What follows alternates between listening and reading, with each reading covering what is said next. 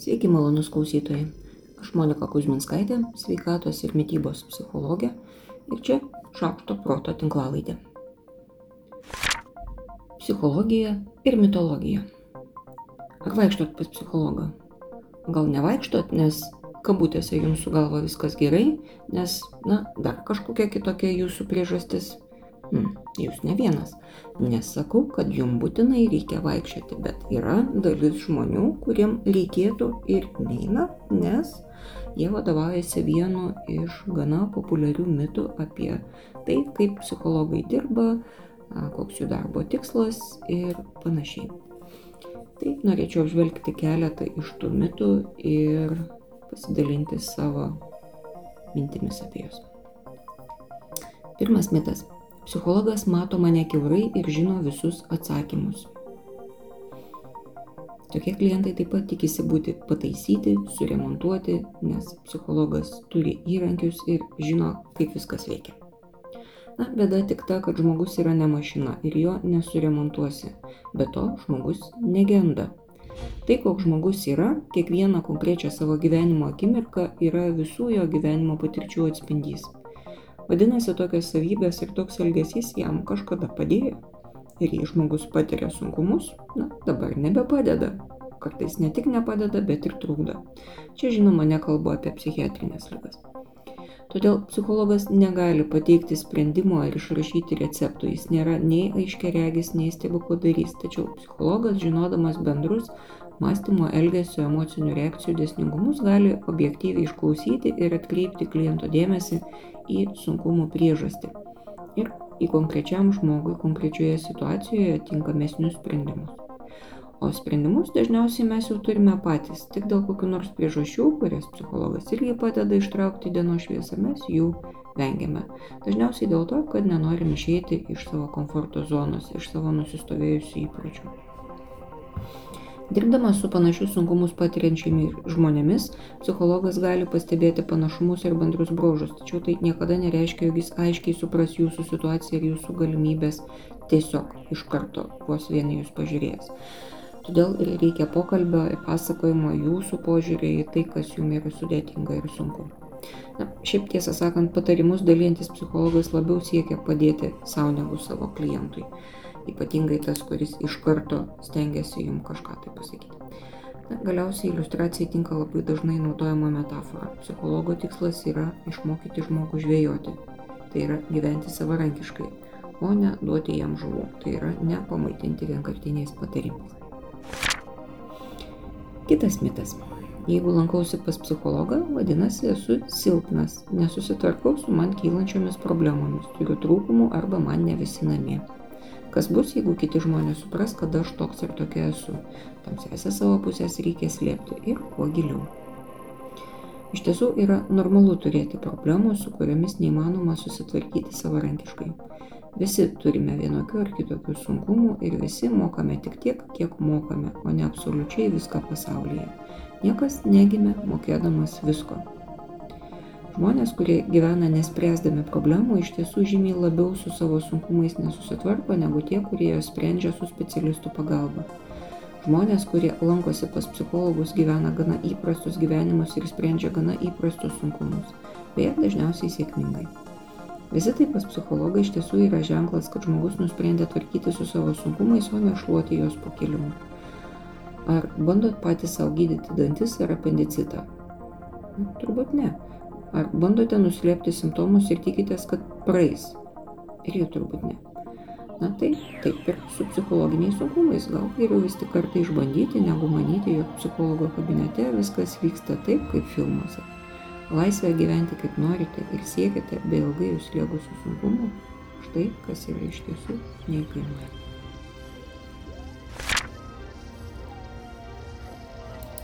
Kitas mitas psichologas patvirtins tai, ko bijau labiausiai. Nors gali skambėti keistai, bet daugelis žmonių yra įsitikinę, kad su jais kažkas yra iš esmės negerai ir kad jie vieninteliai pasaulyje patiria tokius sunkumus. Todėl vengia eiti pas psichologą, lyg bijodami išgirsti mirtinos lygos diagnozę. Tiesą sakant, ir pas e, kūno gydytojus žmonės labai dažnai vengia nueiti, nenorėdami išgirsti kažko, ko jie tikisi išgirsti ir taip nepradeda gydimo ir taip dar labiau sunkina padėtį. Lygiai tas pats galioja ir psichologiniam sunkumam. Geriau jau nežinoti, galvoja jie. Deja, na, iš tiesų nežinau ar dėja, tiesiog realybė yra priešinga. Daugumos žmonių psichologui pasakojami sunkumai yra labai įprastiniai, būdingi daugumai ir, kaip taisyklė, gana lengvai įveikiami jau esam atradę būdus daugumai mūsų problemų išspręsti. Esame unikalūs ir nepakartojami, nes gyvename unikalius gyvenimus, todėl tai, kaip išmokome su sunkumais tvarkytis, nėra nei įda, nei silpnybė. Kiekvienas tai darome šiek tiek skirtingai ir sėkmingiau arba mažiau sėkmingai. Tai, kas mums šiandien yra sunkumai, tai tiesiog yra seniau sėkmingai naudoti būdai, kurie dabar nebetinka, lik mažas triratukas suaugusiam. Kartais užtenka pažvelgti į save iš šono, veidrodyje arba objektyviam psichologo atspindyje, kad suprastumėm, jog ne sergame negebėjimu važiuoti triratuku, o tiesiog užaugome. O triratukas yra tiesiog triratukas, o ne jūsų priešas ar prakeiksmas. Kitas mintis skamba taip. Pas psichologą vaikšto tik tie, kam blogai, o ne tie, kurie nori tobulėti. Netiesa. Šis mitas tinka ne vien psichologams ir savo fizinę sveikatą žymiai dažniau rūpinamės, kai ką nors skauda, o ne įmamės prevencijos, mankštos, kokybiško miego ir sveikos mytybos ar kitų savo kūno tobulinimo būdų. Gera žinia yra ta, kad ir visiškai sveikam, fiziškai ir dvasiškai žmogui psichologas gali būti tiek pat naudingas, kiek ir kenčiančiam. Kiekvienas psichologas turi pats pirmą tapti klientu ir pažvelgti į save iš šono tam, kad įgytų gebėjimo atspindėti kito žmogaus sunkumus teisingai ir žinotų, kurioje vietoje jo paties veidrodis yra įskilęs, kokius sunkumus jis pats ar pati patiria. Tai net ir psichologai turi pereiti per tą patį ir pripažinti, jog ir jie turi sunkumų. Sunkumus patiriame mes visi. Tai yra normalu. Tačiau jei sunkumus patiriame sąmoningai, nesislepiame nuo jų ir neslepiame jų nuo kitų, jie dažniausiai praranda savo galį ir tampa tik asmenybės spalva, o neslaptų į save ar į kitus atsuktų ginklų. Psichologas gali padėti jums rasti stipresias pusės, galias, augimo galimybės, naujus talentus ir pomėgius, naujas darbo sritis, padėti auginti tarpusavio santykius su šeima ir artimaisiais, Na, negi tai yra mažiau vertinga negu susidoroti su sunkumais.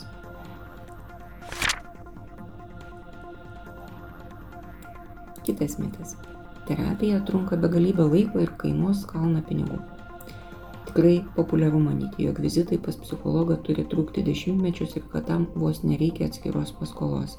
Na, prie to tikrai prisideda populiarioji kultūra. Realybėje yra ir metodas, kuris orientuojasi į vienkartinę konsultaciją. Statistika sako, kad e, čia cituoju American Journal of Psychiatry, beveik pusė žmonių pas psichologą lankosi nuo 3 iki 10 kartų. Tik tai, e, na, tiek trunka ta viena terapijos dozė. Kiek daugiau nei dešimtadalis lankosi 20 kartų ar daugiau. Ir tik labai nedaug žmonių lankosi gerokai daugiau.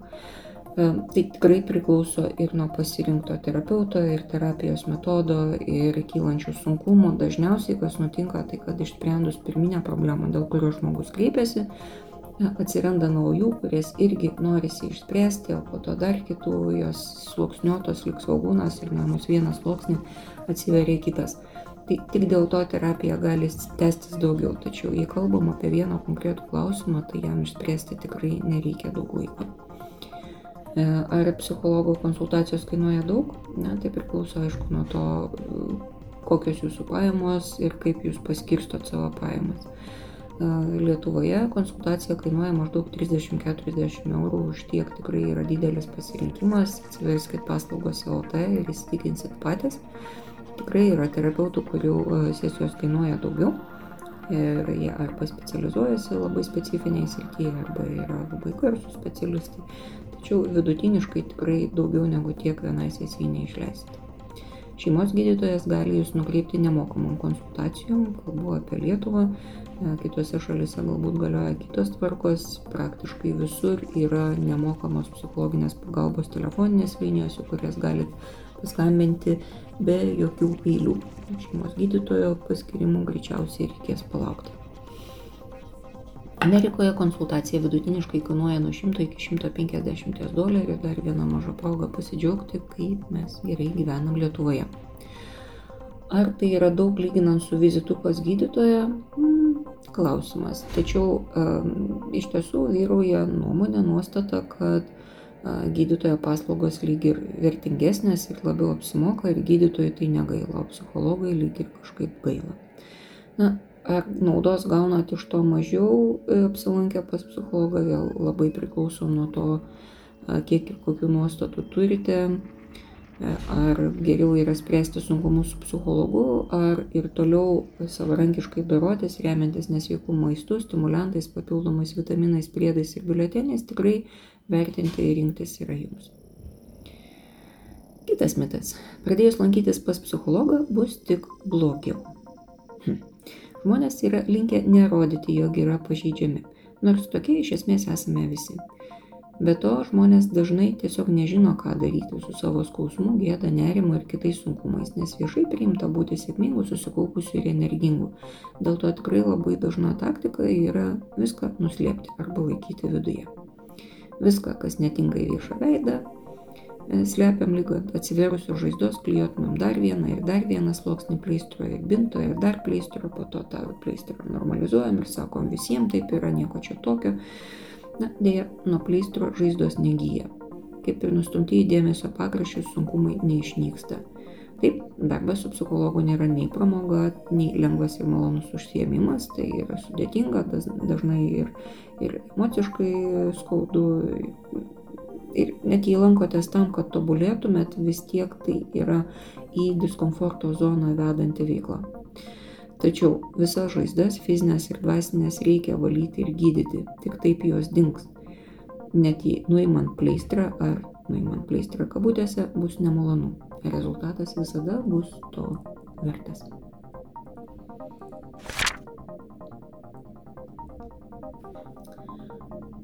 Dar vienas mitas. Psichologas tardys mane, kaltins ir gėdins, jausiuos tikrai blogai. Pagrindiniai psichologo darbo principai, kokią terapinę paradigmą jis ar jį atstovautų, yra išklausyti, nevertinti ir padėti. Psichologas neturi tikslo jūs pakeisti kitaip, negu jūs patys norite keistis. Jo darbas yra tik padėti jums keistis norimą linkme. Psichologas neturi iš ankstinės nuomonės apie jūs, apie jūsų elgesį arba neturėtų turėti, kitaip jis savo darbo netlieka gerai. Psichologas nesivadovauja stereotipais, jis ar jį vadovaujasi atjauta ir visada susitelkia į konkretų atvejį, konkretų žmogų konkrečiose situacijose. Psichologas turi tikslą objektyviai parodyti jums save patį iš šalies ir padėti jums pamatyti savo sunkumų šaknis ir esmę. Jei jaučiat diskomfortą kalbėdami su psichologu, dažniausiai tai turi priežastį ir tai turi paskirti. Būtent tai ir yra tas pleistro nuėmimas ir iš to kylantis diskomfortas. E, yra atveju, kai na, su vienokiu terapeutu tai daryti lengviau, su kitokiu sunkiau, tačiau patiriamas diskomfortas niekada nereiškia, kad vienareikšmiškai psichoterapija ar psichoterapeutas jums netinka. Jūs nebūtinai nudžiugins tai, ką pamatysit, iš to, ką psichologas jums reflektuoja, tačiau galbūt būtent tai, ko patys savo apie save nesakote ir sudaro jūsų sunkumų pagrindą. Na gerai, viskas. apie mitus tiek. Nesibaiminkit, pabandykit. Net jei neturit problemų, bet turit klausimų apie emocijas, mąstymą, elgesį, santykius, tikslus, planavimą, psichosomatiką, dėmesingumą, stresą, miegą ar tūkstančius kitų klausimų, psichologas yra tikrai tinkamas pasirinkimas vienkartiniai, trumpalaikiai ar ilgalaikiai terapijai. Na ir savaitės pabaigai eksperimentas. Vis norėjau ką nors parašyti atidėliotojams, bet gal atidėliojau? Mano vidinis žinovas purto galvą atidėliojimai, gal vis tik aš neturiu kantrybės. Atidedu nebent iš didelės baimės. Esu, pavyzdžiui, laukusi kelias valandas, o kitą kartą ir kelias dienas baisu ir prisiminti. Ir nevežusi savo žiauriai skaudančio pilvo gydytojams. Nors ir tada labai aiškiai žinojau, kad pilvo skausmo ignoruoti negalima. Ne, bet gal tai ir yra baime, o ne atidėliojimas. Tas Kitas atidėliojimas, manau, yra apie tai, kai sakom, jo, reikia padaryti, ai, bet vėliau. Po šio paprastų pokalbių su savimi guli tvirtas dopamino ataustas įprotis, gniaužiantis žvirblių rankoje. Mes taip darome, nes gauname naudos. Mes gaunam sąlyginį malonumą, atleidimą nuo pareigos, o dažnai ir kokią nors malonesnę alternatyvą, kurią dar malonesnė daro kontrastas, kai lyginam su to, ko daryti nelabai norim. Be to, būna, kad atidėjus kažką iki paskutinės minutės, papildomai kilęs adrenalinas darbą padeda daryti greičiau ir gal net sėkmingiau. O tai irgi malonus jausmas. Todėl gaunam dar vieną apdovanojimą. Kasgi nesirinks dviejų apdovanojimų. Taip, žinoma, yra rizika, kad nepavyks, kad nespėsim, bet būna, kad vis tiek pavyksta ir vis tiek spėjam. Ir būtent tuos atvejus ir atsimenam. Šiaip ar taip, jei atidėliojimas jums nepatinka, trukdo, dažniau nepavyksta negu pavyksta arba norite tiesiog sumažinti nesėkmių, tada gera mintis yra treniruoti neatidėjimą, ugdyti naują įprotį. Pirmiausiai reikėtų peržvelgti savo atidėliojimo atvejus, o dar geriau sudaryti jų sąrašą. Kiekvienai situacijai sukurti scenarijų, pagal kurį jūs vieną ar kitą veiksmą atliksite iš karto be jokio atidėjimo. Kuo daugiau detalių bus tame scenarijoje, tuo geriau. Situacijose, kai kyla mintis ir noras atidėti, dažnai lydimas vienos ir, ir tos pačios frazės, na, pavyzdžiui, tokios kaip ai bet vėliau, tai ją reikėtų atpažinti, sustoti ir daug nemastant, ar to norisi, ar tikrai dabar to reikia, imti ir įvykdyti paruoštą planą. Pradžių bus keista, nemalonu, nejauku ar kitaip nepatogu, o po to bus vis geriau ir geriau. Jei savo priskiriate atidėliojimo savybę, neatidėliokit ir pabandykit patreniruoti tokį gebėjimą. Juk visada turėsit laisvę pasirinkti ar dabar, ar vėliau, kai tą gebėjimą jau turėsit. Nes dabar, kol jo neturit, tos laisvės gal ir nėra. Ji yra, sakykime, atidėta. Eksperimentas yra viena iš dažnai naudojamų technikų kognityvinė elgesio terapija. Pats eksperimentas yra skirti skirtas patikrinti įsitikinimo teisingumą. Įsitikinimai yra saliginai tvirti, bet nebūtinai teisingi sprendimai, kuriuos naudojam nekritiškai, nebetikrindami kiekvieną kartą jų teisingumą. Klaidingi įsitikinimai gali metų metais mus vesti neteisingų kelių, taip ir nesuprantant, kas su manim, ar su kitais, ar su pasauliu yra negerai. Eksperimentas leidžia atpažinti klaidas įsitikinime ir stovint akistatoje su nauja informacija jį pataisyti ar perkonstruoti iš naujo. Jei eksperimentuojate, pasidalinkit prašau savo patyrimais. Bus labai įdomu ir visiems naudinga. Šią savaitę tiek. Aš, Monika Kuzminskaitė, sveikatos ir mytybos psichologė, padedu spręsti kasdienius ir sudėtingus elgesio, mąstymo ir emocijų klausimus. Rašau, skaitau paskaitas, teikiu psichologinės konsultacijas. Mane rasit socialiniuose tinkluose vardu Šaukštas Proto arba gyvai Vilniuje Goštauto gatvėje. Rašykit man asmenę žinutę socialiniuose tinkluose arba elektroniniu paštu adresu šaukštas.proto at gmail.com. Taikos ir ramybės.